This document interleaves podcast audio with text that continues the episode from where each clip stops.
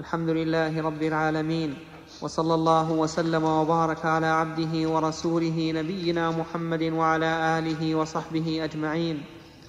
قال الإمام مسلم رحمه الله تعالى في كتاب الطهارة حدثنا أمية بن بسطام في باب. في باب المسح على الناصية والعمامة. حدثنا أمية بن بسطام ومحمد بن عبد الأعلى قال حدثنا المعتمر عن أبيه قال حدثني بكر بن عبد الله عن ابن المغيرة عن أبيه أن النبي صلى الله عليه وسلم مسح على الخفين ومقدم رأسه وعلى عمامته. وحدثنا محمد بن عبد الأعلى قال حدثنا المعتمر عن أبيه عن بكر عن الحسن عن ابن المغيرة عن أبيه عن النبي صلى الله عليه وسلم بمثله. وحدثنا محمد بن بشار ومحمد بن حاتم جميعا عن يحيى القطان. قال ابن حاتم حدثنا يحيى بن سعيد عن التيمي عن بكر بن عبد الله عن الحسن عن ابن المغيرة بن شعبة عن, عن ابن المغيرة بن شعبة عن أبيه. قال بكر وقد سمعت من ابن المغيرة أن النبي صلى الله عليه وسلم توضأ فمسح بناصيته وعلى العمامة وعلى الخفين. وحدثنا أبو بكر بن أبي شيبة ومحمد بن العلاء قال حدثنا أبو معاوية حاء وحدثنا إسحاق قال أخبرنا عيسى بن يونس كلاهما عن الأعمش عن الحكم عن عبد الرحمن بن أبي ليلى عن كعب بن عجرة عن بلال أن رسول الله صلى الله عليه وسلم مسح على الخفين والخمار وفي حديث عيسى وفي حديث عيسى حدثني الحكم قال حدثني بلال وحدثنيه سويد بن سعيد قال حدثنا علي يعني ابن مسهر عن الأعمش بهذا الإسناد وقال في الحديث رأيت رسول الله صلى الله عليه وسلم. بسم الله الرحمن الرحيم. سبق الكلام على معاني هذه هذه الأحاديث وهذا كما ترون اختلاف ألفاظ. والحديث والأحاديث هذه كلها تدور على المغيرة بن شعبة رضي الله عنه. في المسح على الإمامة وأما قوله في آخر الألفاظ على الخفين والخمار فالمراد بالخمار العمامة لأن ألفاظ الراوي يفسر بعضها بعضا. ثم إنكم ترون أن هذه الألفاظ مختلفة في الترتيب ومختلفة في الاختصار والتطويل مما يدل دلالة واضحة على أن الرواة يروون الأحاديث بالمعنى وهذا أمر لا يشك فيه لكن المحافظة على اللفظ أولى بلا شك. اللهم إلا أن الإنسان يتردد في مسألة الأذكار لأن الأذكار تعبدية والظاهر أن الرواة يحافظون على ألفاظها. أما غيرها مما يقصد فيه إثبات إثبات المعنى فلا شك أن أنهم يرون أنه لا بأس بنقل الحديث في المعنى. نعم. باب التوقيت في المسح على الخفين. وحدثنا إسحاق بن إبراهيم الحنظلي. قال أخبرنا عبد الرزاق. قال أخبرنا الثوري عن عمرو بن قيس الملائي عن الحكم بن عتيبة عن القاسم بن مخيمرة عن القاسم بن مخيمرة عن شريح بن هانئ قال أتيت عائشة أسألها عن المسح على الخفين فقالت عليك بابن أبي طالب فسله فإنه كان يسافر مع, مع رسول الله صلى الله عليه وسلم فسألناه فقال جعل رسول الله صلى الله عليه وسلم ثلاثة أيام ولياليهن للمسافر ويوما وليلة للمقيم قال وكان سفيان إذا ذكر عمرا أثنى عليه وحدثنا إسحاق. قال أخبرنا زكريا بن عدي عن عبيد الله بن عمرو عن زيد بن أبي أنيسة عن الحكم بهذا الإسناد مثله. وحدثني زهير بن حرب. قال حدثنا أبو معاوية عن الأعمش عن الحكم عن القاسم بن مخيمرة عن شريح بن هانئ قال سألت عائشة عن المسح عن المسح عن الخفين سألت عائشة عن المسح على الخفين فقالت ائت عليا فإنه أعلم بذلك مني. فأتيت عليا فذكر عن النبي صلى الله عليه وسلم بمثله. هذا الحديث فيه بيان الوقت الذي يجوز فيه المسح على الخفين وأنه يوم وليلة للمقيم وثلاثة أيام للمسافر. ونعم بلياليهن وفيه رد على الرافضة من وجهين. الوجه الأول أن علي بن أبي طالب وهو إمام أئمة آل البيت أثبت أن النبي صلى الله عليه وعلى آله وسلم وقت أو جعل في المسح على الخفين ثلاثة أيام للمسافر ويوما وليلة للمقيم. والرافضة لا يرون المسح على الخفين. فيقال لهم هذا إمام أهل البيت المتبعين للرسول صلى الله عليه وعلى آله وسلم. يقول عن النبي صلى الله عليه وعلى آله وسلم إنه جعل يوما وليلة للمقيم وثلاثة أيام ولياليهن للمسافر. الوجه الثاني أنه معروف موقف الرافضة من أم المؤمنين عائشة رضي الله عنها. وأنه موقف يسود الوجوه والعياذ بالله. وها هي رضي الله عنها تقول بالحق. سئلت فأحالت المسألة على علي بن أبي طالب رضي الله عنه وأقرت بأنه أعلم بذلك منها. وهذا من تمام نصحها للأمة من وجه وتمام عدلها حيث شهدت على نفسها مع أن أن من المعروف أن علي بن أبي طالب رضي الله عنه كان في حديث الإفك ضد عائشة إذ أنه أشار على النبي صلى الله عليه وعلى آله وسلم يعني أن يتركها وقال النساء سواها كثير. ولا شك أن أمير المؤمنين قال ذلك عن اجتهاد لأنه رأى أن النبي صلى الله عليه وعلى آله وسلم في حديث الإفك متأثرا تأثرا عظيما فأراد أن يفرج عنه بهذا القول. وليس كراهة لأم المؤمنين رضي الله عنها ولكن حماية لرسول الله صلى الله عليه وسلم من الهم والغم. وفي النهاية أنزل الله تعالى في براءتها عشر آيات من كتاب الله تتلى إلى يوم القيامة ويسأل عنها الناس كلهم يوم القيامة. ويتعبد الناس بتلاوتها. قصة يتعبد الناس لله تعالى بتلاوتها. فحصل لها رضي الله عنها من هذه المحنة العظيمة حصل لها هذا الخير الكثير. عشر آيات تتلى إلى يوم القيامة وفيها من الروادع والزواجر ما ينقض له البدن.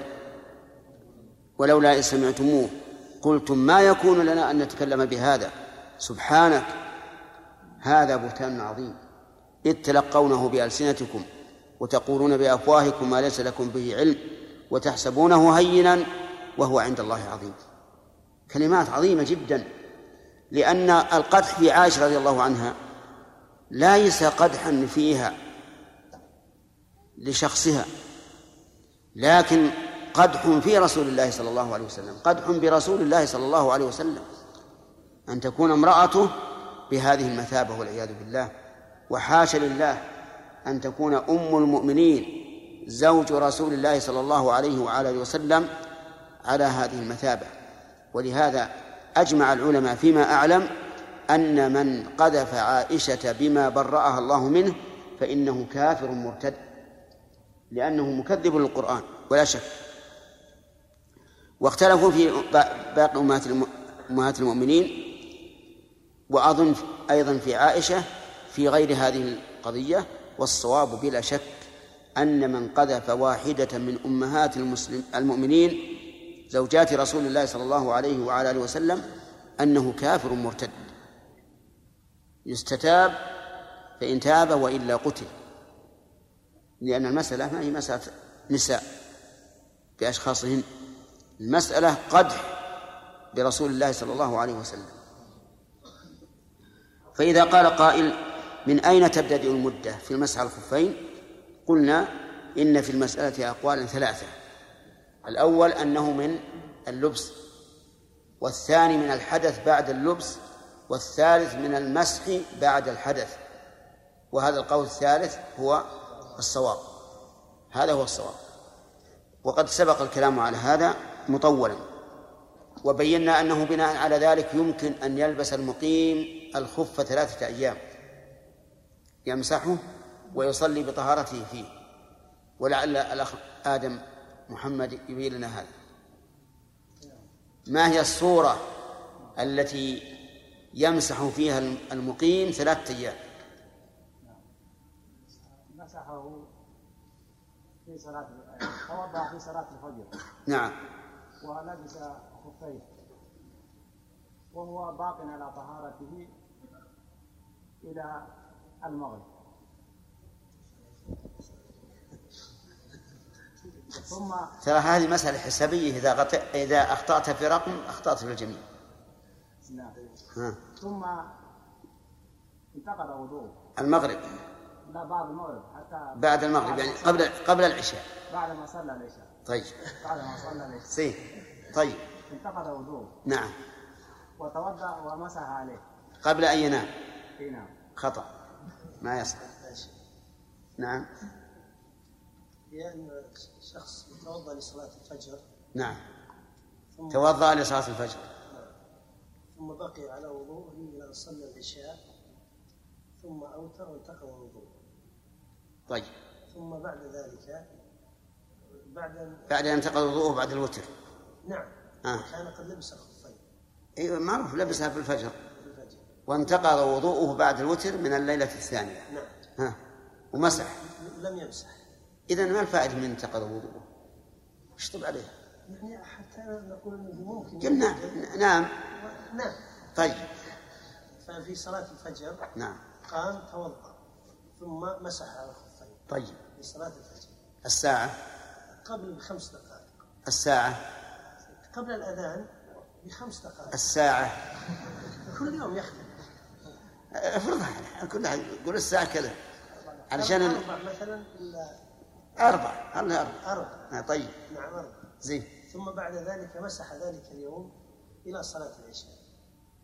ثم نام وقام قبل الفجر بعشر دقائق وتوضأ قبل الفجر بخمس دقائق. ثم طيب. بقي في وضوءه إلى أن صلى العشاء. إي نعم صحيح. سمعتم هذا؟ طيب.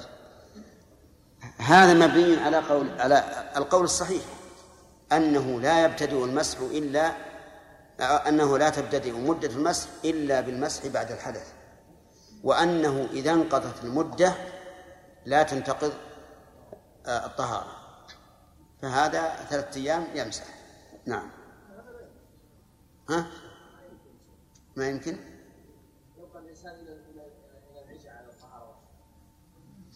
إيه نعم ما يمكن عند بعض الناس. عند بعض الناس لا يمكن لكن بعض الناس ما شاء الله يمكن. قد يصير إي نعم. شيخ بارك الله فيك هل يعني من نفهم من الحديث يعني أو هل العالم إذا حال إلى من هو أعلم منه في مسألة معينة يكون هذا واجب عليه يعني؟ إذا علم أن من يعني يوجد من هو أعلم منه في هذه المسألة المعينه فأحال عليه.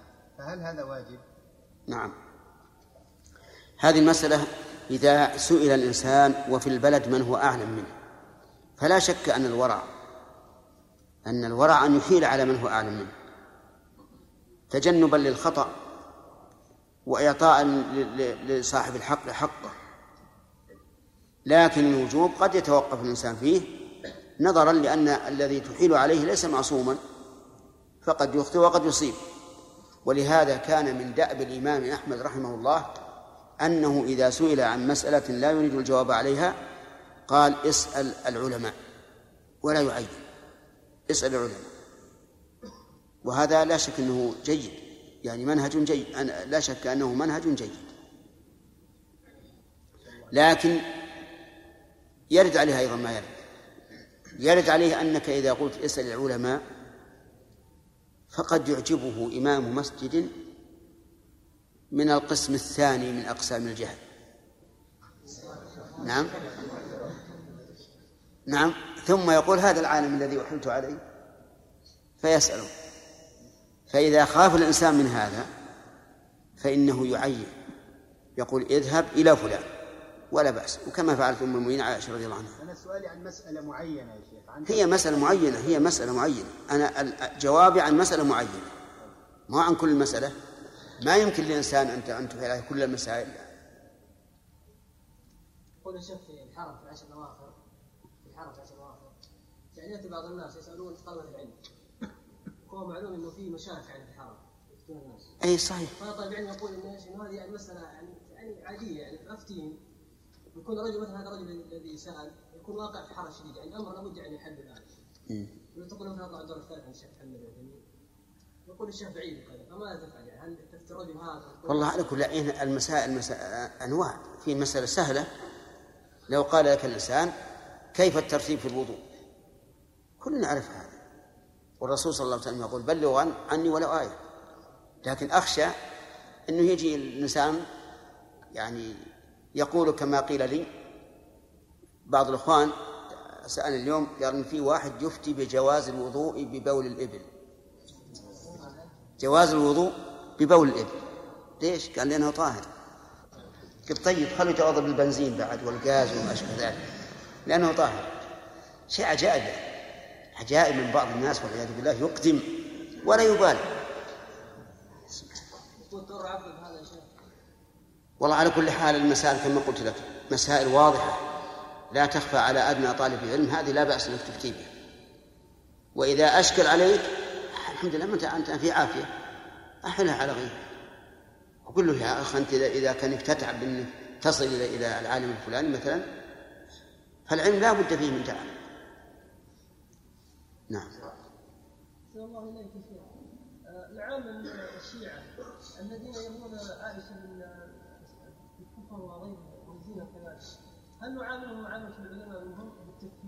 والله يا أخي العامة من الرافضة ينقسمون إلى قسمين. قسم ما علموا بالسنة ولا علموا بالحق. فهؤلاء قد يعذرون وقسم آخر معاندون يتعصبون يقولون إنا وجدنا آباءنا على أمة وإنا على آثارهم مهتدون أو مقتدون فهؤلاء يعاملون معاملة من قال الله فيهم قال أولو جئتم بأهل مما وجدتم عليه آباءكم. نعم. ثلاثة. باب جواز الصلوات كلها بوضوء واحد. حدثنا يلا محمد بن سلام. بن سلام اسمع نعم. باب باب جواز. باب نعم. باب جواز الصلوات. باب جواز الصلوات كلها بوضوء واحد. حدثنا محمد بن عبد الله بن نمير. قال حدثنا أبي. قال حدثنا سفيان عن علقمة بن مرثد. حاء وحدثني محمد بن حاتم. واللفظ له. قال حدثنا يحيى بن سعيد عن سفيان. قال حدثني علقمة بن مرثد عن سليمان بن بريدة عن أبيه أن النبي صلى الله عليه وسلم صلى الصلوات يوم الفتح بوضوء واحد ومسح على خفيه فقال له عمر لقد صنعت اليوم شيئا لم تكن لم تكن تص- تصنعه. لم تكن تصنعه. قال عمدا صنعته يا عمر. صلى بوضوء واحد. وقال عمدا صنعته. ففي هذا دليل على فائدة مهمة وهي أن الإنسان يفعل المفضول لفائدة بيان الجواز. يفعل المفضول لبيان الجواز.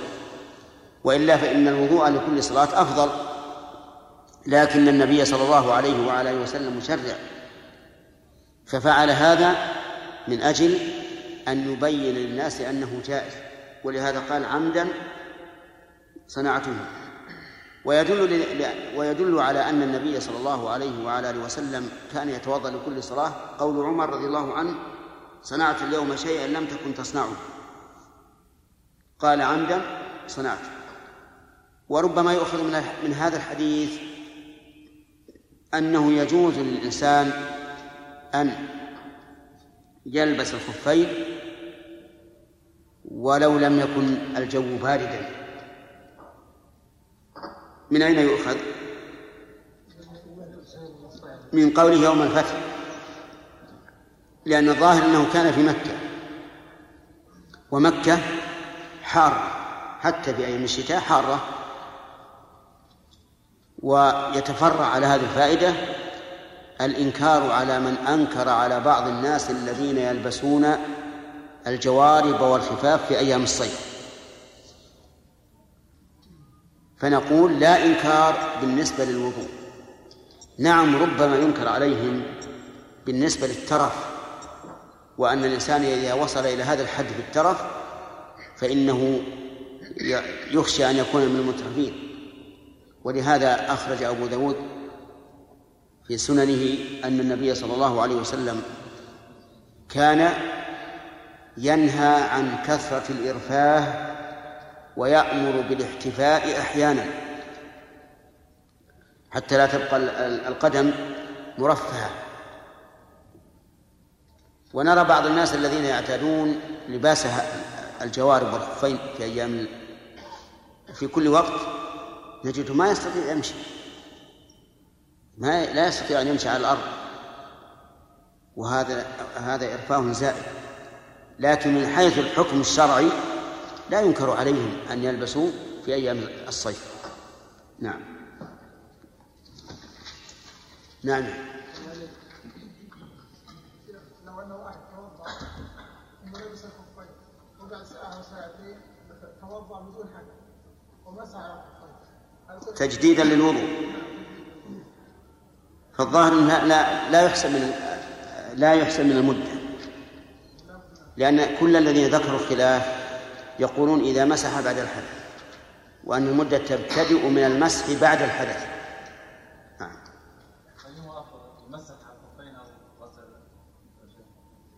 الأفضل ما كانت الرجل عليه. إن كانت الرجل مكشوفه فلا تلبس الخفين لتمسح. وإن كانت لابسة فلا تخلع لتغسل. الأفضل ما كانت الرجل عليه إن كان لابسا فالأفضل المسح وإن كان خالعا فالأفضل الغسل. نعم سلامة. عن إيش؟ إي نعم حتى المرأة لا ينبغي أن تترفه كثيرا بل الأولى أن يكون معها شيء من القدرة على العمل. لأن أيضا إذا إذا ترفهت كثيرا فهي مشكلة. يلحقها السمن بسرعة. نعم.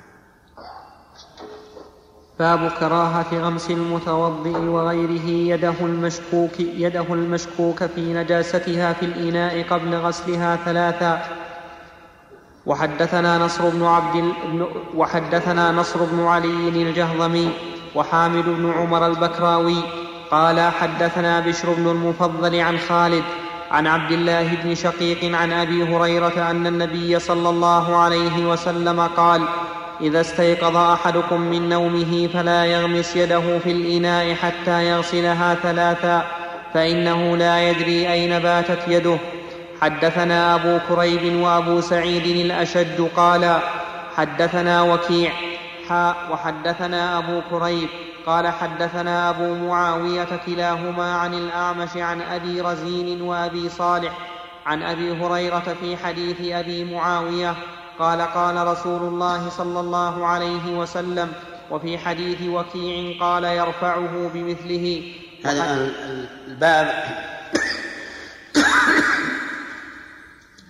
الذي كتب الباب علل بعلة غير مسلمة له. وهو قوله يده المشكوكة في نجاستها في الإناء قبل غسلها ثلاثة. فالحديث ليس فيه أن اليد مشكوك في نجاستها. بل, بل إن النبي صلى الله عليه وعلى آله وسلم نهى أن يغمس الرجل يده في الإناء إذا قام من النوم حتى يغسلها ثلاثة. وقال إن أحدكم لا يدري أين باتت يده. فأين الشك؟ الرسول عليه الصلاة والسلام لم يقل فإن أحدكم لا يدري أت- أتنجست يده أم لا. ثم إن التعليل بالشك غير وارد وغير صحيح أيضا. إذا شككت في نجاسة أي شيء فالأصل الطهارة. ويرشد إلى هذا قول النبي صلى الله عليه وعلى آله وسلم فيما إذا وجد الإنسان في بطنه شيئا وشك فيه أنه لا ينصرف حتى يسمع صوتا أو يجد ريحا وهذا يدل على طرح الشك وعدم الالتفات إليه لأن الإنسان إذا فتح على نفسه باب الشكوك لحقه الوسواس. فالحاصل أنه ليست هذه العلة. ولو كانت هذه العلة لقلنا إذا أد إذا تيقن الرجل أن يده لم تتنجس بأن أدخلها في قفازين فهل يدخل في النهي إذا استيقظ أن لا يغمسها في الإناء نعم. لا ما يدخل. الرسول أطلق لا يغمس يده في الإناء عام. ولكن كيف قال لا يدري أين باتت يده؟ قال شيخ الإسلام ابن تيمية رحمه الله هذا مثل قوله صلى الله عليه وعلى آله وسلم إذا استيقظ أحدكم من نومه فليستنثر ثلاثا فإن الشيطان يبيت على خيشوم. فلا يبعد أن الشيطان يبيت على هذه اليد أو ينقل إليها أشياء مضرة بالإنسان صحيا أو غير ذلك. وهذا الذي ذكره شيخ الإسلام صحيح. يشهد له الحديث الذي ذكره رحمه الله. طيب فإذا خالف الإنسان فغمسها في الماء قبل أن يغسلها فما حكم الماء؟ ذهب بعض العلماء إلى أنه يكون طاهرا غير مطهر إلا أن يكون قلتين فأكثر. ولكن الصحيح أنه يبقى على طهوريته. لأن رسول الله صلى الله عليه وسلم لم يتكلم عن حكم الماء بعد أن تغمس فيه اليد وإنما تكلم عن غمس اليد في الماء وفرق بين هذا وهذا. فالصواب أن الماء يبقى على طهوريته. ولكن يقال لهذا الرجل إنك عصيت النبي صلى الله عليه وعلى آله وسلم فتب إلى الله. ويستفاد من هذا الحديث أن النائم لا يؤاخذ بأقواله ولا بأفعاله. من أين تؤخذ؟ لا يدري. لا يدري أين باتت يده فلو أن النائم سمع يقول زوجتي طالب وعبدي حر ومالي وقف وفي ذمتي لزيد مئة ألف. هل يؤخذ بذلك؟ لماذا؟ لأنه لا يدري ما يقول. لا يدري ما, ما يقول. طيب فإن فعل فعلا فهل يترتب على فعله أثر؟ نقول أما فيما يتعلق بحق الله فلا. لا يترتب عليه أثر. وأما فيما يتعلق بحق الآدمي فإنه يؤاخذ به لأن حق الآدمي لا يشترط فيه القصد.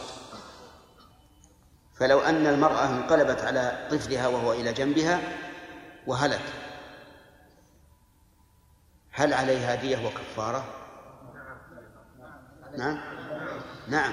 عليها دية وعليها كفارة لكن الدية على عاقلته لأن القتل خطأ والكفارة واجبة عليها. فإن شكت المرأة كان ابنها حين حين نامت كان صحيحا نشيطا فلما استيقظت وجدته ميتا. فهل يلزمها شيء؟ نعم. لا يلزمها شيء. لأن لأن الله يقول الله يتوفى الأنفس حين موتها والتي لم تمت في منامها. فيمسك التي قضى عليها الموت ويرسل الأخرى إلى أجل مسمى. فهذا الطفل لما نام ربما أن الله أمسك نفسه فهلك. وبهذا يندفع إشكالات تسأل عنها النساء كثيرا في هذا الأمر. فيقال اطمئني. ليس عليك شيء. ولا تقلق. وإذا كانت الحادثة قريبة فإننا نعزيها ونأمرها بالصبر والاحتساب وما أشبه ذلك. نعم هذا الله غسل اليد بعد كل نوم أو فقط من نوم الليل يقول النبي صلى الله عليه وعلى آله وسلم أين باتت يده؟ والبيتوتة؟ لا تكون إلا في الليل. ولأن الليل هو يعني محل آه، طواف الشياطين والسباع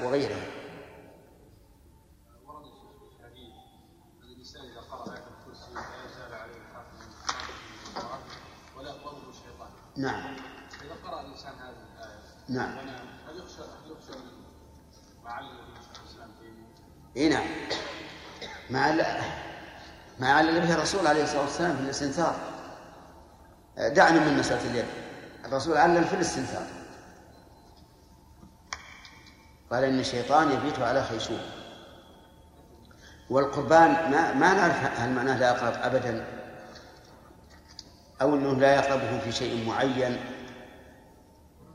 أو أنه لا يقربه على وجه يضره ضررا ظاهرا كالشيطان ياكل من الطعام. ثلاثة. اثنين. فيها. اثنين. طيب طيب. المرأة. لا تمام. شيخ بارك الله فيك. أعود إلى الحديث آه، الأول لأنه سؤال مهم. بعض في بعض البلاد في غير هذه البلاد لا يوجد علماء بمعنى علماء. لكن يوجد طلبة علم يتكلفون في إفتاء الناس بالبحث في الكتب وغير ذلك. ويقولون لو كان يوجد علماء ما تكلفنا هذا التكلف. فهل يعني حجتهم هذه سائغة أم نقول أنه يوجد الهاتف الآن ويمكن الاتصال بالعلماء في غير هذه البلاد؟ والله على كل حال قال الله تعالى اتقوا الله ما استطعتم. وعلى الإنسان الذي يتصدى للفتوى في بلد ليس فيها عالم أن يتقي الله عز وجل. وهو, وهو بنفسه يبحث في كتب العلماء يسمع الأشرطة يسأل عبر الهاتف. أما عامة الناس ما ما يستطيعون. أولا قد لا يعرفون أرقام الهواتف ثم قد لا يتسنى لهم هذا. فالواجب لمن تصدى أن يتقي الله هو بنفسه ويبحث حسب الاستطاعة. نعم. الرحمن الرحيم. الحمد لله رب العالمين وصلى الله وسلم وبارك على عبده ورسوله نبينا محمد وعلى آله وصحبه أجمعين. باب كراهة غمس المتوضئ وغيره يده المشكوك في نجاستها في الإناء قبل غسلها ثلاثا.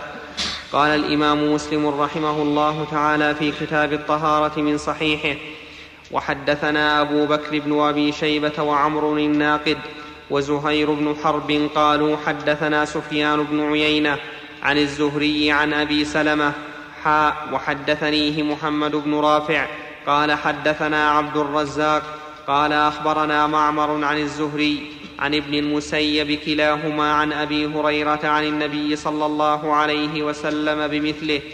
وحدثني سلمة بن شبيب قال حدثنا الحسن بن اعين قال حدثنا معقل عن أبي الزبير عن جابر عن أبي هريرة أنه أخبره أن النبي صلى الله عليه وسلم قال إذا استيقظ أحدكم فليفرغ على يده ثلاث مرات قبل أن يدخل يده في إنائه فإنه لا يدري فيما فإنه لا يدري فيما باتت يده.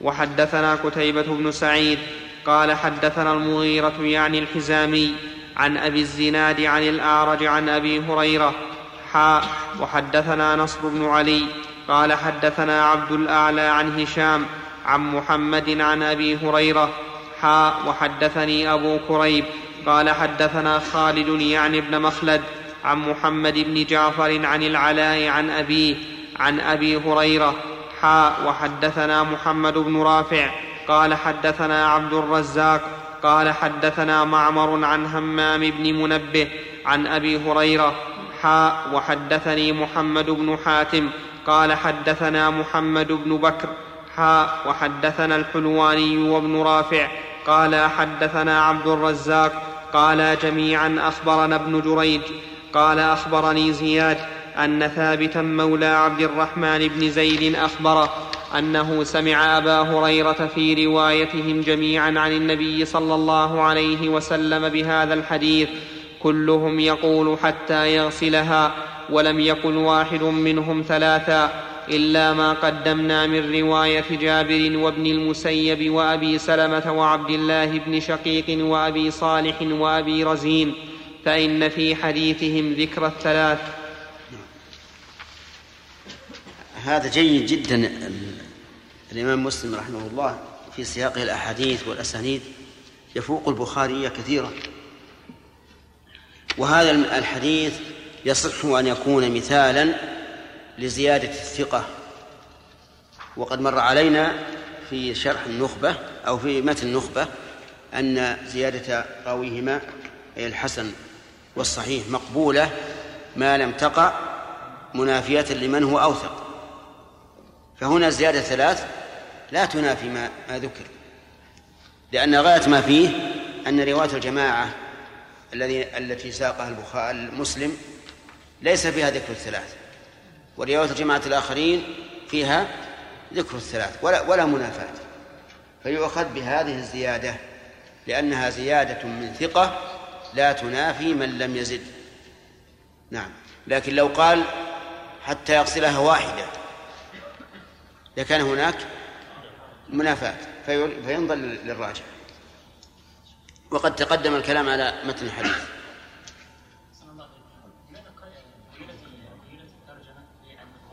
إيش؟ نعم. إي نعم. لكن الغالب إن الإنسان إذا قام من النوم يتوضأ هذا الغالب بناء على الغالب. سواء توضأ أو لم يتوضأ. حتى لو فرض أن الرجل ما ليس عنده ماء وأنه يريد أن يتيمم فلا يغمس يده في الإناء حتى يغسلها نعم. باب حكم ولوغ الكلب. وحدثني علي بن حجر السعدي قال حدثنا علي بن مسهر قال أخبرنا الأعمش عن أبي رزين. ثم إنها أيضا لو غمسها في غير الماء.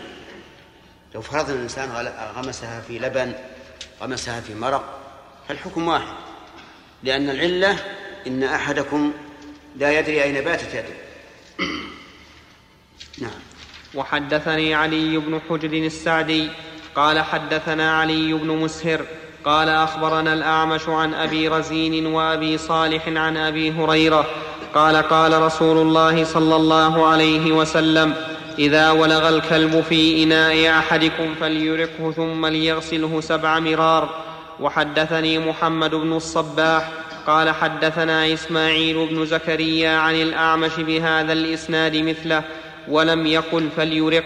حدثنا يحيى بن يحيى قال قرأت على مالك عن أبي الزناد عن الاعرش عن أبي هريرة أن رسول الله صلى الله عليه وسلم قال إذا شرب الكلب في إناء أحدكم فليغسله سبع مرات. وحدثنا زهير بن حرب قال حدثنا إسماعيل بن إبراهيم عن هشام بن حسان عن محمد بن سيرين عن أبي هريرة قال قال رسول الله صلى الله عليه وسلم طهور إناء أحدكم إذا ولغ فيه الكلب أن يغسله سبع مرات أولاهن بالتراب. حدثنا محمد بن رافع قال حدثنا عبد الرزاق قال حدثنا معمر عن همام بن منبه قال هذا ما حدثنا أبو هريرة عن محمد رسول الله صلى الله عليه وسلم فذكر أحاديث منها وقال وقال رسول الله صلى الله فذكر أحاديث منها وقال رسول الله صلى الله عليه وسلم طهور إناء أحدكم إذا ولغ الكلب فيه أن يغسله سبع مرات. وحدثنا عبيد الله بن معاذ قال حدثنا أبي قال حدثنا شعبة عن أبي التياح سمع مطرف بن عبد الله يحدث عن ابن المغفل قال أمر رسول الله صلى الله عليه وسلم بقتل الكلاب ثم قال ما بالهم وبال الكلاب ثم قال ما بالهم وبال الكلاب ثم رخص في كلب الصيد وكلب الغنم وقال إذا ولغ الكلب في الإناء فاغسلوه سبع مرات وعفروه الثامنة في التراب وحدثنيه يحيى بن حبيب الحارثي قال حدثنا خالد يعني ابن الحارث حاء وحدثني محمد بن حاتم قال حدثنا يحيى بن سعيد حاء وحدثني محمد بن الوليد قال حدثنا محمد بن جعفر كلهم عن شعبة في هذا الإسناد بمثله غير أن في رواية يحيى بن سعيد من الزيادة. بسم الله. نعم. غير أن نعم. غير غير أن في رواية يحيى بن سعيد من الزيادة ورخص في كلب الغنم والصيد والزرع وليس ذكر الزرع في الرواية وليس ذكر الزرع في الرواية غير يحيى. هذا تطهير ما ولغ فيه الكلب. والكلب حيوان معروف. حيوان معروف مألوف أيضا في الغالب. وقد بين النبي صلى الله عليه وسلم في هذا الحديث أن نجاسته أغلظ النجاسات. لأن النجاسات تنقسم إلى ثلاثة أقسام مخففة ومغلظة وبين ذلك. فالمخففة بول الآد بول الغلام الصغير الذي لم يأكل الطعام فإنه يكفي فيها النضح. ومثلها على القول الراجح المذي فإنه يكفي فيه النضح. والمغلظة نجاسة الكلب فإنها مغلظة. لا بد لتطهيرها من غسلها سبع مرات إحداها بالتراب. والمتوسطة ما بين ذلك ما سوى ذلك. فيكفي في تطهيرها أن تزول عين النجاسة. فمتى زالت عين النجاسة طهرت. ولا يضر بقاء اللون والريح. يكفي زوال العين. هذا الأحاديث كما سمعتم قراءة فيه فيه شيء من الاختلاف. ولهذا ادعى بعض العلماء أنه مضطرب. وأنه لا. وأنه لا يشترط في تطهيره سبع سبع مرات. فمثلا في بعض الروايات يقول فليرقه ثم ليغسله. وفي بعض الروايات حث ذلك. وفي بعض الروايات أولاهن بالتراب. وفي بعض الروايات أخراهن. وفي بعض الروايات عفروه الثامنة بالتراب. قالوا فهذا الاضطراب يوجب ضعف الحديث. والذي يظهر لي أن هذا الاضطراب لا يمكن يعني لا يمكن أن نحكم به بضعف الحديث لأنه يمكن الجمع. ومتى أمكن الجمع؟ فإنه لا يمكن أن يحكم بالاضطراب. لأن من شرط الاضطراب بل إن بل إن شرط الاضطراب أن لا يمكن الجمع. أن لا يمكن الجمع ولا الترجيح. فإن أمكن الجمع جمع بين الألفاظ والروايات. وإن لم يمكن الجمع وأمكن الترجيح عمل عمل بالراجح. فلننظر.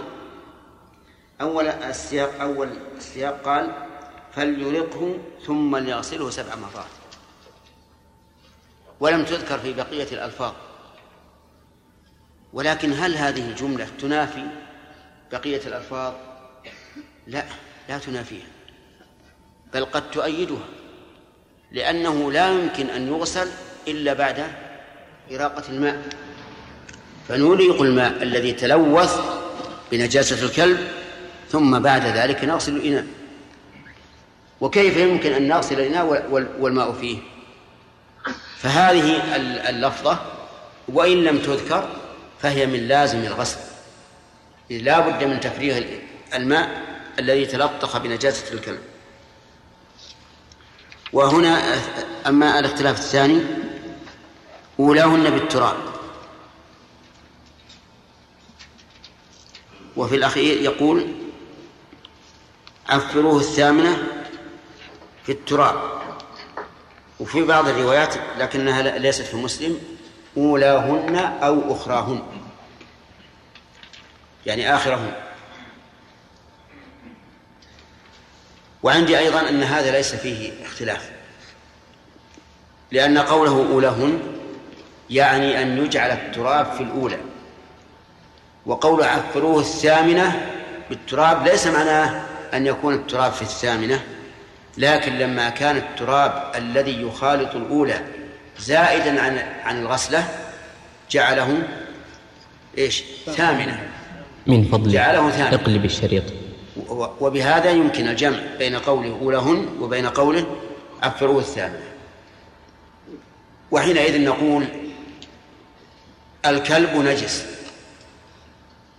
بدليل أمر النبي صلى الله عليه وعلى آله وسلم بغسل ما ولغ فيه سبع مرات إحداها بالتراب.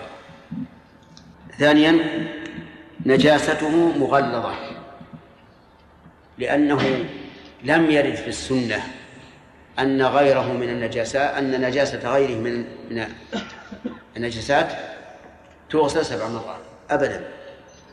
وأما ما يروى عن ابن عمر رضي الله عنهما أنه قال أمرنا بغسل الأنجاس سبعا فهذا لا صحة له. وهل يلحق الخنزير بالكلب وتكون نجاسته مغلظة؟ بعض الفقهاء ألحق نجاسة الخنزير بالكلب وقال إن الخنزير أخبث والصواب أنه لا لا يلحق لأن الخنزير موجود في عهد الرسول عليه الصلاة والسلام ومع ذلك لم يأمر بغسل نجاسته سبع مرات. فالصواب أن الخنزير كغيره من من السباع و ومنها أيضا هل تلحق عذرته وبوله ودمه وما أشبه ذلك بولوغه أو لا؟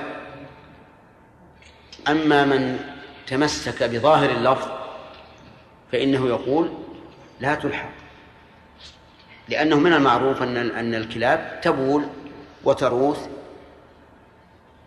ولم ولم ولم يلحق النبي صلى الله عليه وعلى آله وسلم البول والروث بالولوغ. هذا من الناحية الفقهية. ومن الناحية الطبية قالوا إن ريقه فيه خصوصية وهي شريطة في في اللعاب. هذه الشريطة تعلق في الإناء علوقا تاما. لا يزيلها إلا التراب. وهذه الشريطة إذا دخلت مع في في بطن الإنسان فإنها تأكل المعدة. وعلى هذا فلا بد نعم وعلى هذا فيقتصر الحكم على الولوغ فقط. ولكن القياسيين من الفقهاء يقولون إذا كان هذا في ريقه فبوله وعذرته أخبث فتكون من باب أولى. وهذا القول أحوط فينبغي أن يلحق بقية فضلاته بريقه وهل إذا عدم التراب أو وجد التراب يقوم مقامه غيره؟ بمعنى أن نأتي بإشنان أو سدر أو صابون أو منظف. هل يكفي عن التراب؟ قال بعض أهل العلم يكفي. ولكن النبي صلى الله عليه وعلى وسلم ذكر التراب لأنه أيسر وفي عهده ليست الأمور كعهد كالعهد الذي بعده انفتحت الدنيا على الناس وكثرت الأموال. فالتراب أيسر ما يكون. فإذا وجد ما يقوم مقامه في الإزالة فإن الشريعة الكاملة لا تفرق بين متماثلين. وبناء على ذلك يقوم الإشنان والصابون والمزيل وغيرها من الكيماويات التي هي أقوى في التطهير من التراب مقام التراب. وقال بعض أهل العلم لا يقوم غير التراب مقام التراب لأن التراب أحد الطهورين فإن الإنسان الذي لا يجد الماء يتيمم بإيش؟ بالتراب. ولعل هناك خاصية تختص بالتراب لا تزول آثار نجاسة الكلب إلا بها. ولا شك أن هذا القول أحوط. وأبرأ للذمة. لكن إذا عدم التراب فلا شك أن غسل المحل بهذه المنظفات أولى من عدم غسله. لأنه إذا عدم التراب يبقى ووجدت هذه الأشياء المزيلة يبقى الإنسان مترددا بين أن يقتصر على الماء أو يضيف إليه هذه المنظفات. وإضافة هذه المنظفات إن لم تنفع فإنها لا تضر. آه ثم حديث عبيد الله بن معاذ يقول إن النبي صلى الله حديث عبد الله بن مغفل قال أمر رسول الله صلى الله عليه وسلم بقتل الكلاب.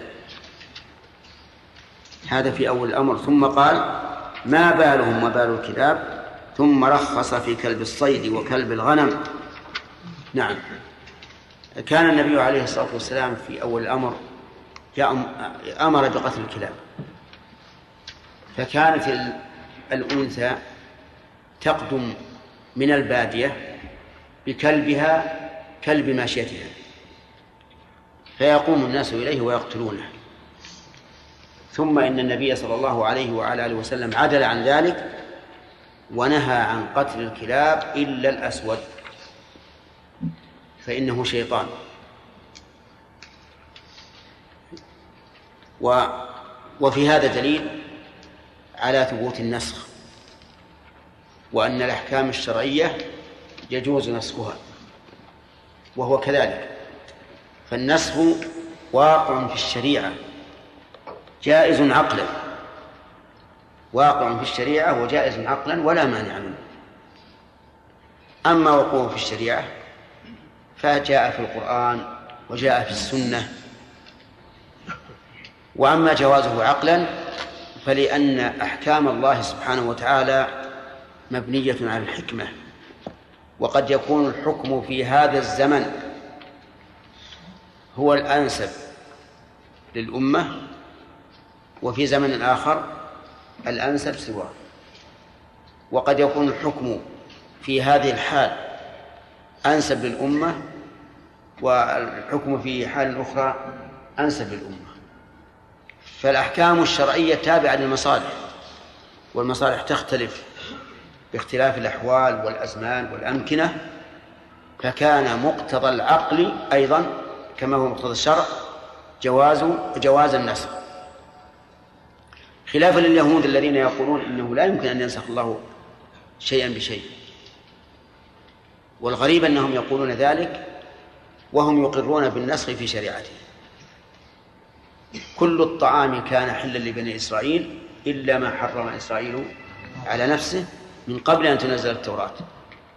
ثم جاءت التوراة وحرمت أشياء لم يحرمها إسرائيل. وهذا نسخ ثابت في شريعتهم. ثم شريعتهم أيضا ناسخة للشريعة التي قبلها في في قومهم فالحاصل أن أن أننا نثبت النسخ شرعا نقول هو واقع شرعا جائز عقلا. وأظن أكثركم يعرف الأمثلة في هذا. في القرآن في سورة البقرة قال الله تبارك وتعالى علم الله أنكم كنتم تختانون أنفسكم فتاب عليكم وعفى عنكم فالآن باشروهن وابتغوا ما كتب الله لكم وكلوا واشربوا حتى يتبين لكم الخيط الأبيض من الخيط الأسود من الفجر. وفي سورة الأنفال الآن خفف الله عنكم وعلم أن فيكم ضعفا. أما السنة أيضا فكثيرة. يصرح النبي عليه الصلاة والسلام بالحكم الأول وبانتقال الحكم إلى الحكم الثاني. كنت نهيتكم عن زيارة القبور فزوروها. كنت نهيتكم عن عن عن الانتباذ في الأسقية فانتبذوا بما شئتم وما أشبه ذلك. هذا الحديث من هذا الباب. ويقول في هذا الحديث رخص في كلب الصيد يعني في اقتنائه وكلب الغنم. وفي رواية أخرى كلب الزرع. فهذه الكلاب الثلاثة يجوز اقتناؤها وما عداها لا يجوز اقتناؤه. طيب كلب الماشية وش فائدته؟ يحرسها. ها؟ يحرسها. يحرسها. يحرسها. فإذا جاء أحد غريب نبحه حتى يهرب. وإذا لم يستطع ولم يهرب فإن أقل ما فيه أن ينبه صاحبه. آه، كذلك الزرع يحميه من السباع التي تطأه وتفسده. والثالث الصيد لأن الناس محتاجون إليه. ولكن الصيد يحتاج كلب الصيد يحتاج إلى تعليم يعلم وتعليمه أن يسترسل إذا أرسل وينزجر إذا زجر إذا زجر وإذا أكل لم يأكل وإذا أمسك لم يأكل إذا أمسك لم يأكل. فإن كان يسترسل بنفسه إذا رأى الصيد استرسل بنفسه دون أن يرسل فهذا غير معلم. وإن وإن قلنا أنه معلم فهو غير مؤدب. نعم لأن لأن الأدب أن لا يسترسل إلا إذا أرسله صاحبه. كذلك إذا كان لا ينزجر إذا زجر.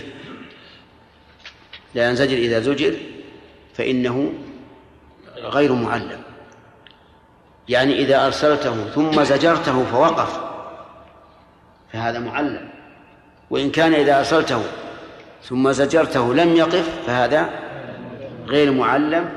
وإن كان متعلما فإنه غير غير مؤدب. واضح؟ طيب إذا استرسل بنفسه وصاد فهل يحل الجواب؟ لا فيه تفصيل. إن كان إذا شعر به صاحبه فزجره زاد في عدوه فإنه يحل بناء على هذه الزيادة. وإن كان يزجره بعد أن انطلق ولكنه لم يزد في عدوه فإنه لا يحل لأنه لم يستفد من زجر صاحبه فلا فلا تحل الصيد. الصيد نعم. طيب إذا إذا اقتنى كلبا من أجل المفاخرة كما يذكر عن بعض الكفار أنهم يقتنون الكلاب يقتنون الكلاب مفاخرة. حتى قيل لي إن بعضهم يغسله بالصابون. نعم. قالوا هكذا. وبعضهم يطيبه. نعم. يورثونهم. المهم على كل حال هذا العمل منهم يصدقه يصدق قول الله عز وجل الخبيثات للخبيثين. فإنها لا شك أن كونهم يألفون هذا الحيوان اللي هو من الذي هو أنجس الحيوانات يدل على نجاستهم. والله سبحانه وتعالى جعل النفوس جنودا مجندة. فهؤلاء تعارفت أرواحهم مع أرواح هذه الكلاب. فصاروا يقتنونها وليس بغريب لكن المحزن أن يوجد من بعض المسلمين من يقتدي بهم في هذا الأمر. ويقتلون الكلاب. كل يوم يغسلون بالصابون والطيب. هو نفسه ما يغتسل كل يوم. نعم. لكن الكلب يغسل كل يوم اللهم عافية نعم؟ يعطى أفضل الطعام؟ طعام خاص إيه. هذا بعد مشكلة. يعني ما يأتي باللحم الطيب له. نعم؟ وهو يأكل العصب وما أشبهه. طيب على كل حال نحن إيش؟ لا إيش؟ كلش ولا هذا. كلش ولا هذا. كيف؟ ولهم جوازات سفر يا لهم شيخ جوازات يتركك عن لا يجي شيء بس. شيخ. طيب في أيضا يعني اذا لا يجوز اقتناء الكلب إلا لهذه الثلاث التي نص عليه النبي صلى الله عليه وعلى آله وسلم. فإن قال قائل هل يجوز أن نقتني الكلب لحراسة البيت؟ كما لو كان الإنسان في محل نائم عن العمران واقتنى كلبا لحراسة البيت فهل ذا- هذا جائز؟ نعم نقول نعم لأنه إذا جاز لحراسة الحرث وجاز لحراسة الماشية فالبيت من باب أولى ثم إنه جاز للصيد الصيد قد لا يكون ضروريا قد يكون الصيد من الكماليات ومع ذلك أباحه الشارع وبقي علينا مسألة واحدة أيضا ما دمنا في الصيد. إذا صادها إذا صاد الكلب صيده ثم جاء به معلقا إياه بفمه فهل يجب أن يغسل ما أصابه فم الكلب سبع مرات إحداها بالتراب؟ في خلاف. في خلاف. طيب أنا بجيب الآن.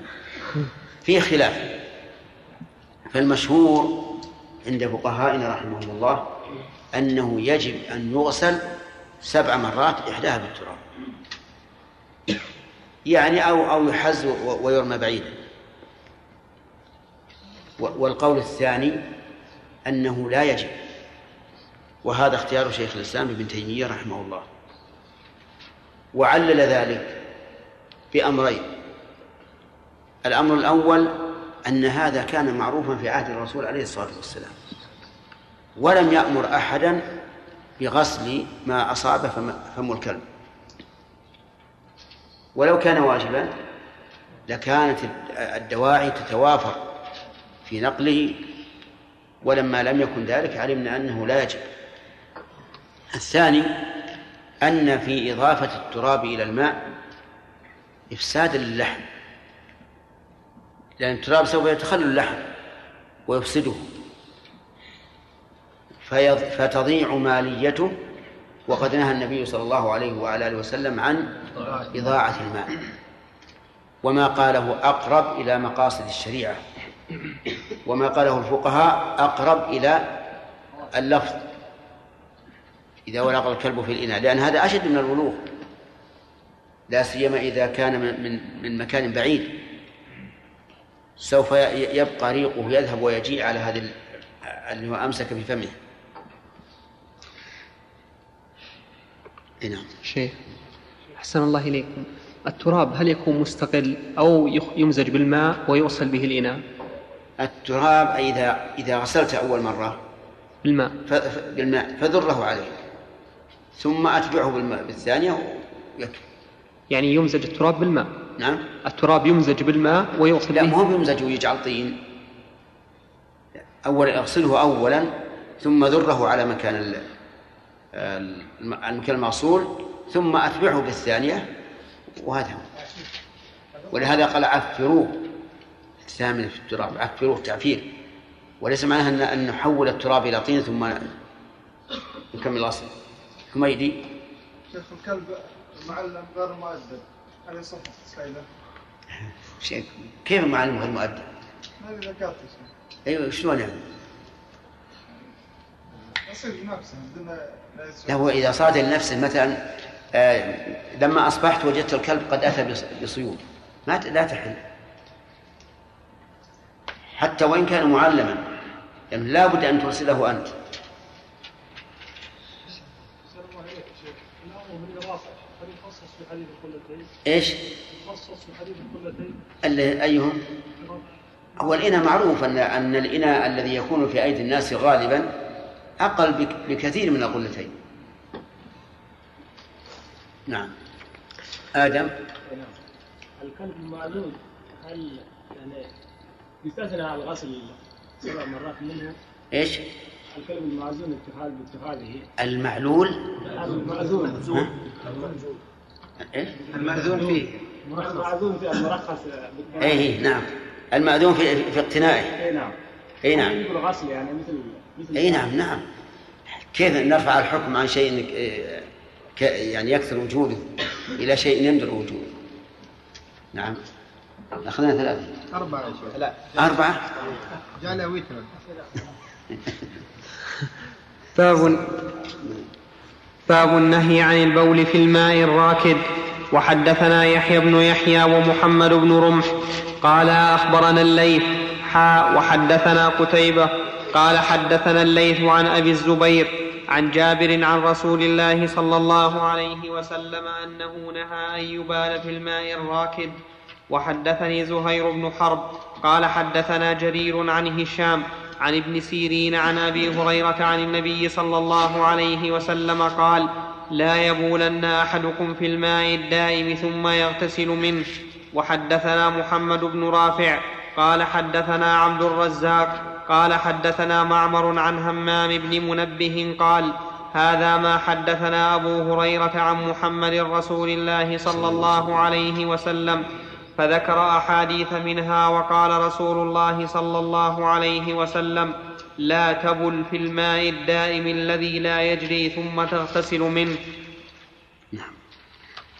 هذا الحديث في النهي عن البول في الماء الراكد وفسر الماء الراكد بأنه الذي لا يجري. قال قال لا لا يبولن أحدكم في الماء الدائم ثم يغتسل منه. بالرفع على الاستئناف. ويجوز النصب ثم يغتسل على على المعية. يعني يجمع بين هذا وهذا. وهل يجوز الجزم على العطف ثم يغتسل منه؟ نقول لا يجوز. لماذا؟ لأنك إذا جعلتها للعطف صار النهي عن كل واحد من انفراده لا يبل ثم لا يغتسل منه.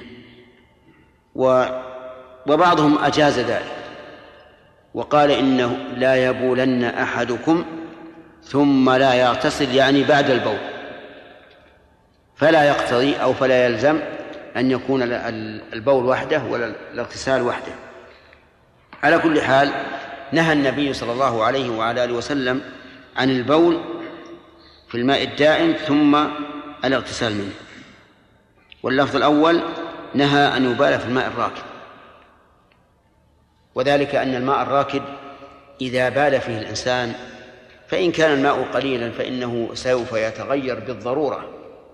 وإن كان كثيرا فإنه يتغير كلما كثر البائلون.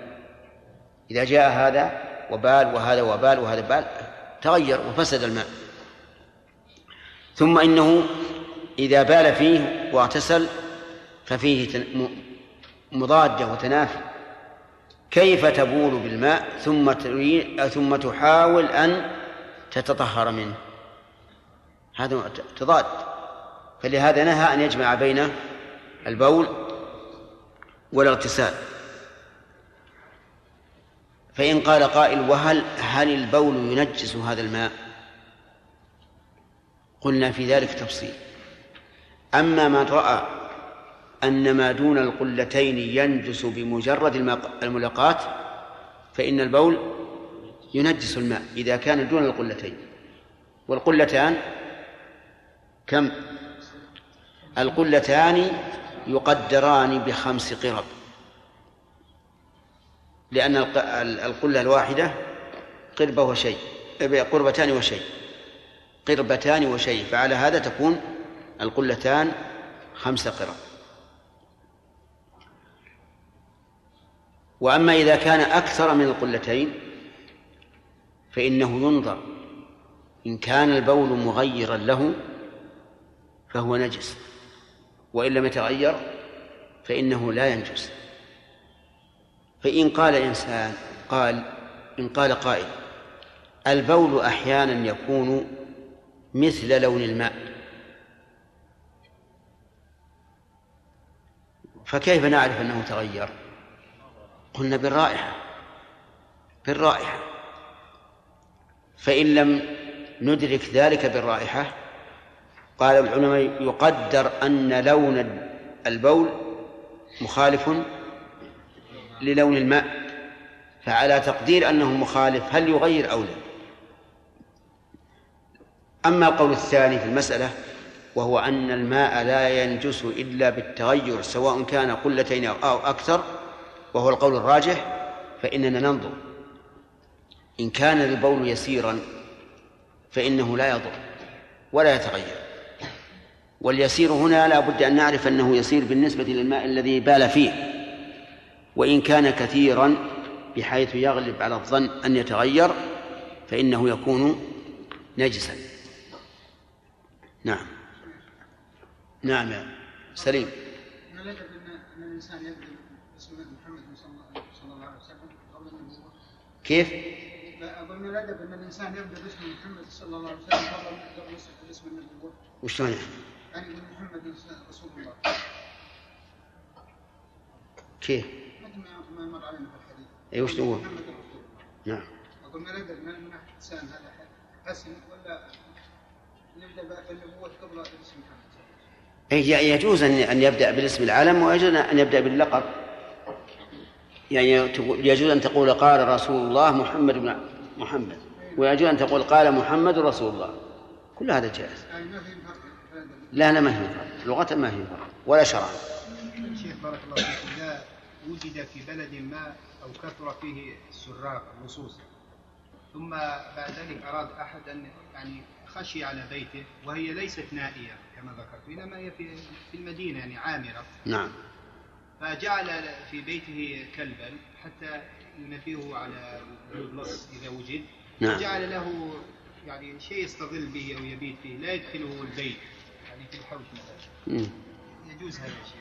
لكن ما يقوم مقامه ما يقوم غيره مقامه لا ما ما ما, قالوا لي إن الببغاء يحرس ما سمعت ها؟ إيش؟ لا البط ما أظن ما أدري لكن الببغاء يذبحون ها؟ البط سهل يذبحون من يذبح؟ الناس الداخل يعني؟ الكلب هذا ليس فقط ينبه في بعض الكلاب تهاجم وتقاتل. على كل حال ما ما دام احتاج إلى الإنسان الكلام على الحاجة إذا احتاج إليه فلا بأس.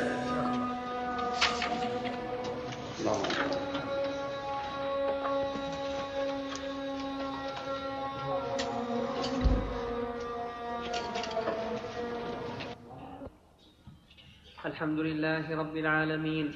وصلى الله وسلم وبارك على عبده ورسوله نبينا محمد وعلى آله وصحبه أجمعين.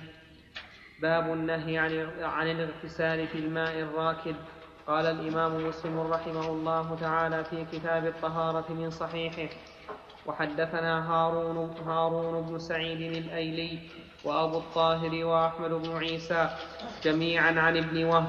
قال هارون حدثنا ابن وهب.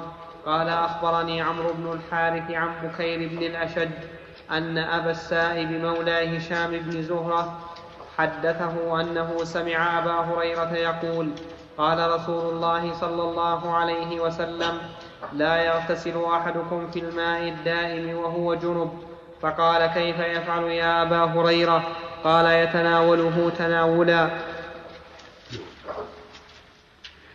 هذا الحديث بسم الله الرحمن الرحيم. هذا الحديث كما تشاهدون أخص من الترجمة والمعروف أنه لا يجوز الاستدلال بالأخص على الأعم.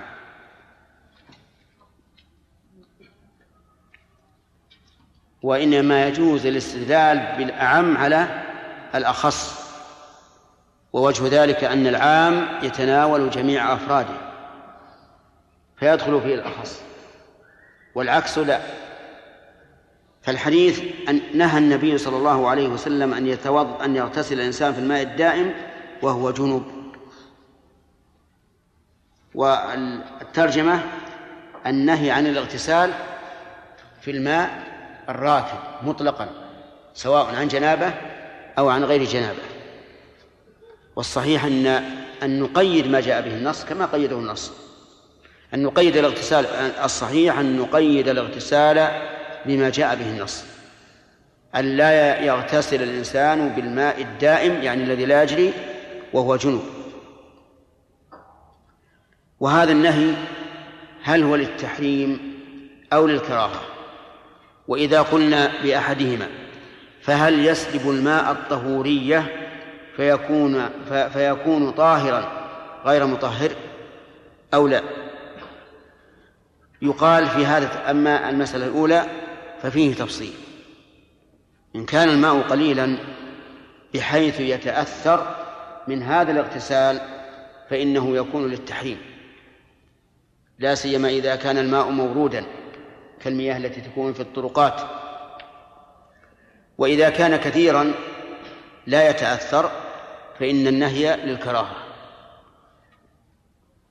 أما فيما يتعلق أما المسألة الثانية فإن الماء لا ينتقل عن الطهورية لأن بدن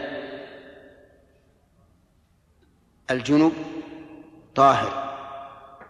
لحديث أبي هريرة حين انخنس من النبي صلى الله عليه وسلم فاغتسل ثم رجع فقال النبي صلى الله عليه وعلى آله وسلم أين كنت؟ قال كنت جنبا فكرهت أن جالسك على غير طهارة. قال سبحان الله إن المؤمن لا ينجس.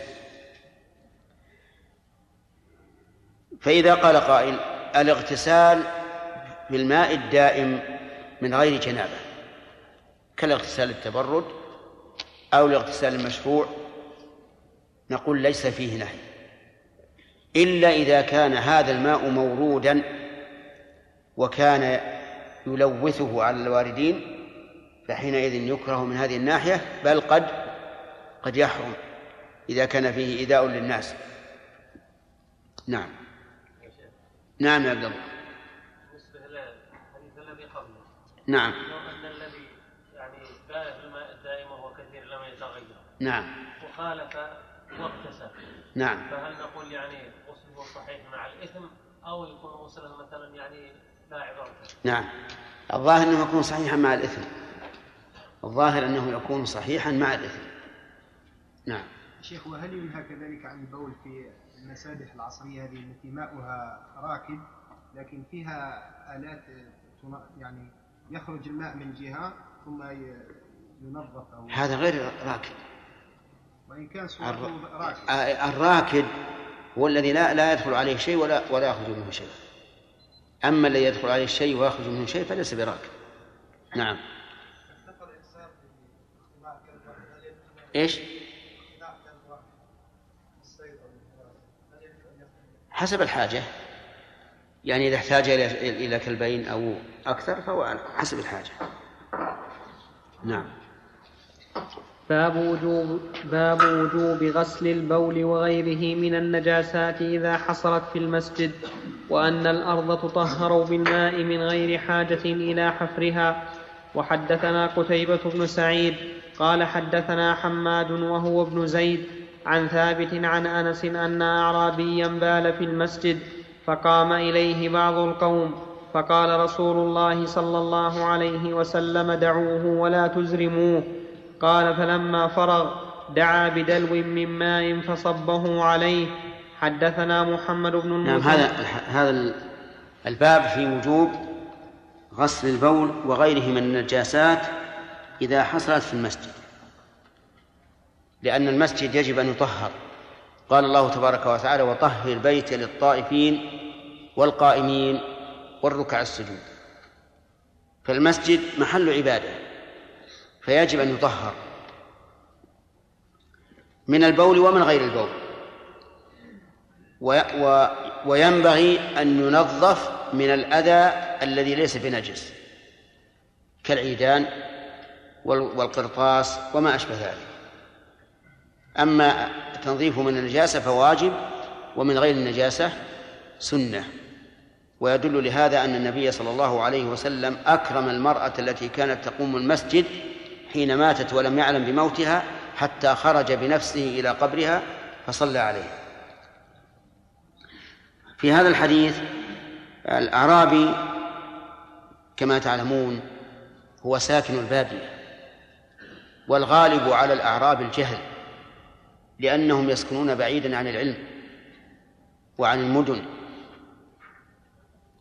دخل الرجل الأعرابي واحتاج إلى البول فوجد الرحبة رحبة المسجد فجلس يبول فيها. كأن ما يبول فيه في البر. ولكن الناس أنكروا عليه. فقام إليه بعض القوم وصاحوا به وزجروه. فنهاهم النبي صلى الله عليه وعلى آله وسلم وقال اتركوه ولا تزلموه. أي لا تقطعوا عليه بوله. فلما قضى الأعرابي بوله أمر النبي صلى الله عليه وعلى آله وسلم أن يصب عليه إيه، دلو من ماء فصب عليه. ففي هذا الحديث فوائد عديدة. أولا حسن معاملة النبي صلى الله عليه وسلم للجاهل حيث لا يؤاخذه بجهله لأن البول في المسجد ذنب.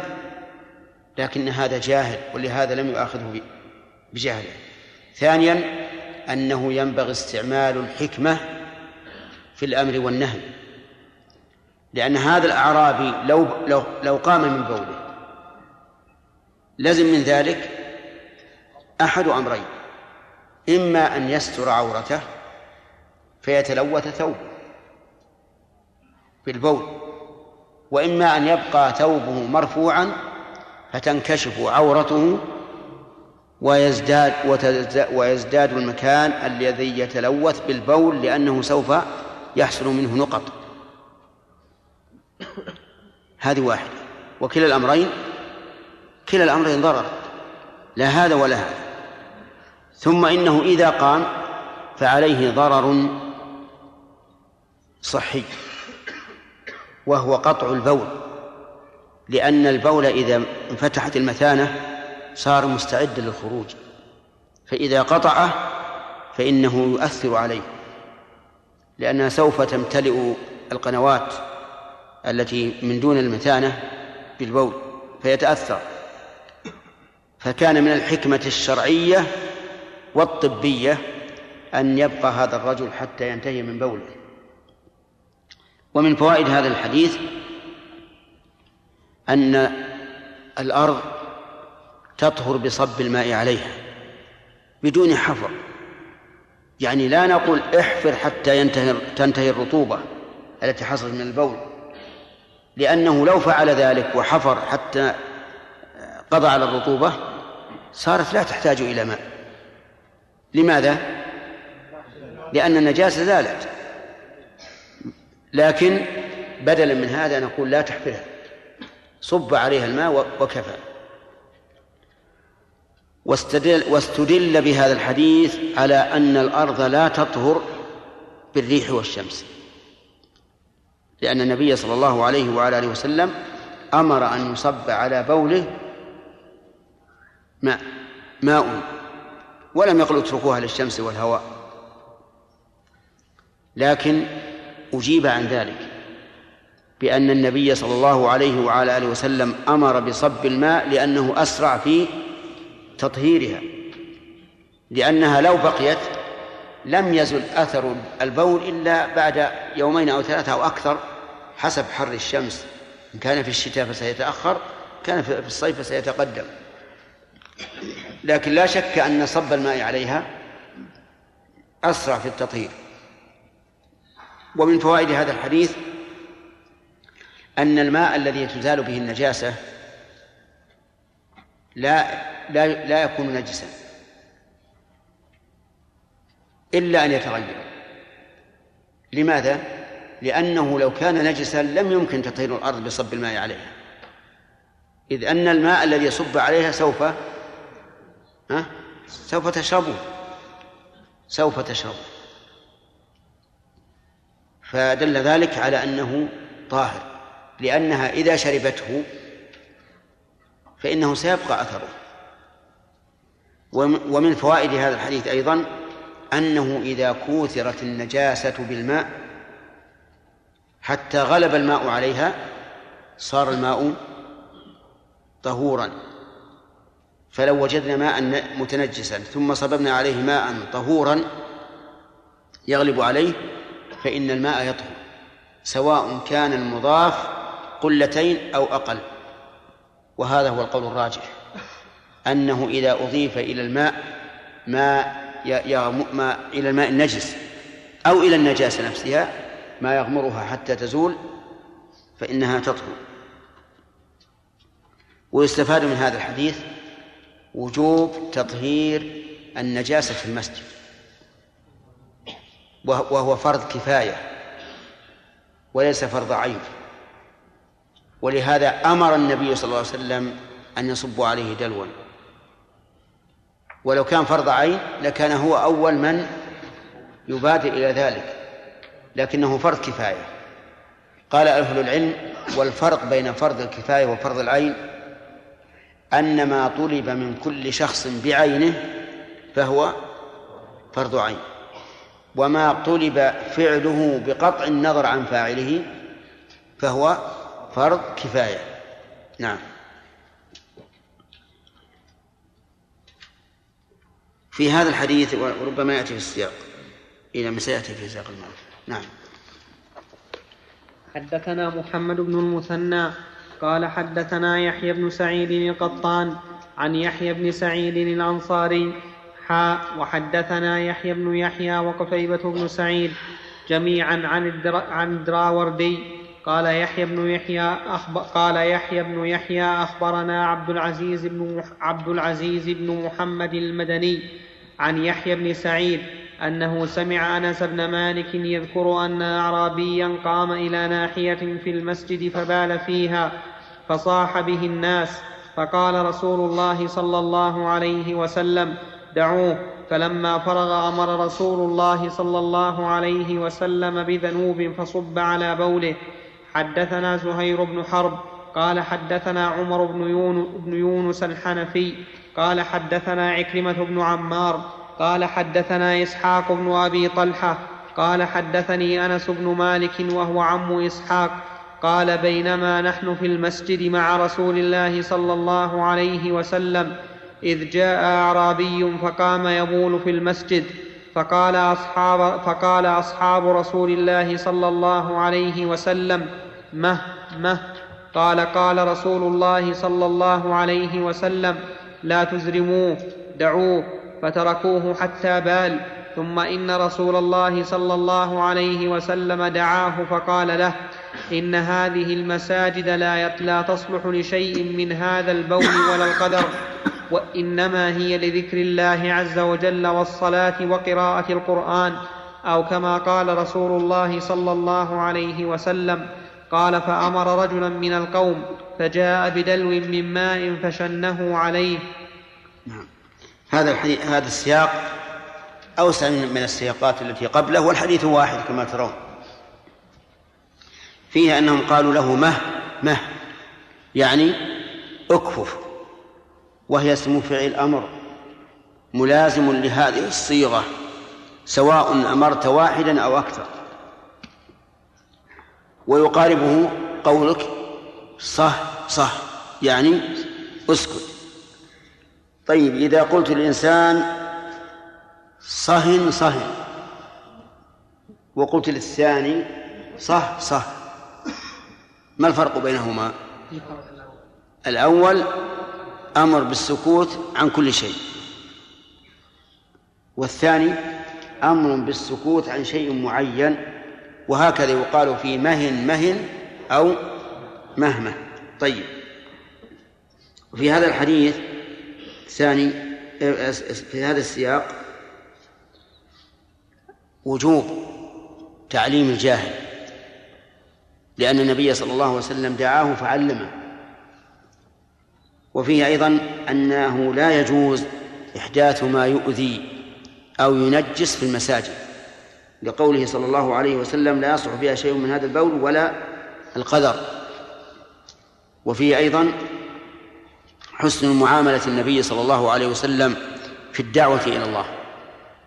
ولهذا روى الإمام أحمد في هذا الحديث أن الأعرابي قال اللهم ارحمني ومحمدا ولا ترحم معنا أحدا. لماذا؟ لأن محمدا رفق به وغيره صاح به وزجره. فكأن هذا الأعرابي أراد أن يتحجر واسعا. قال اللهم ارحمني ومحمدا ولا ترحم معنا أحدا.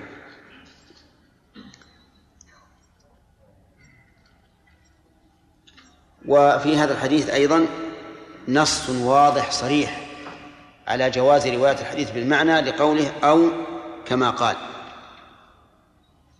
أو كما قال. وعلى هذا فإذا سقت حديثا وشككت في لفظه فأنت تقول أو كما قال. وإن شئت فقل هذا الحديث أو معناه. يعني المهم أن تعبر بشيء يدل على أنك لم تضبط اللفظ. نعم.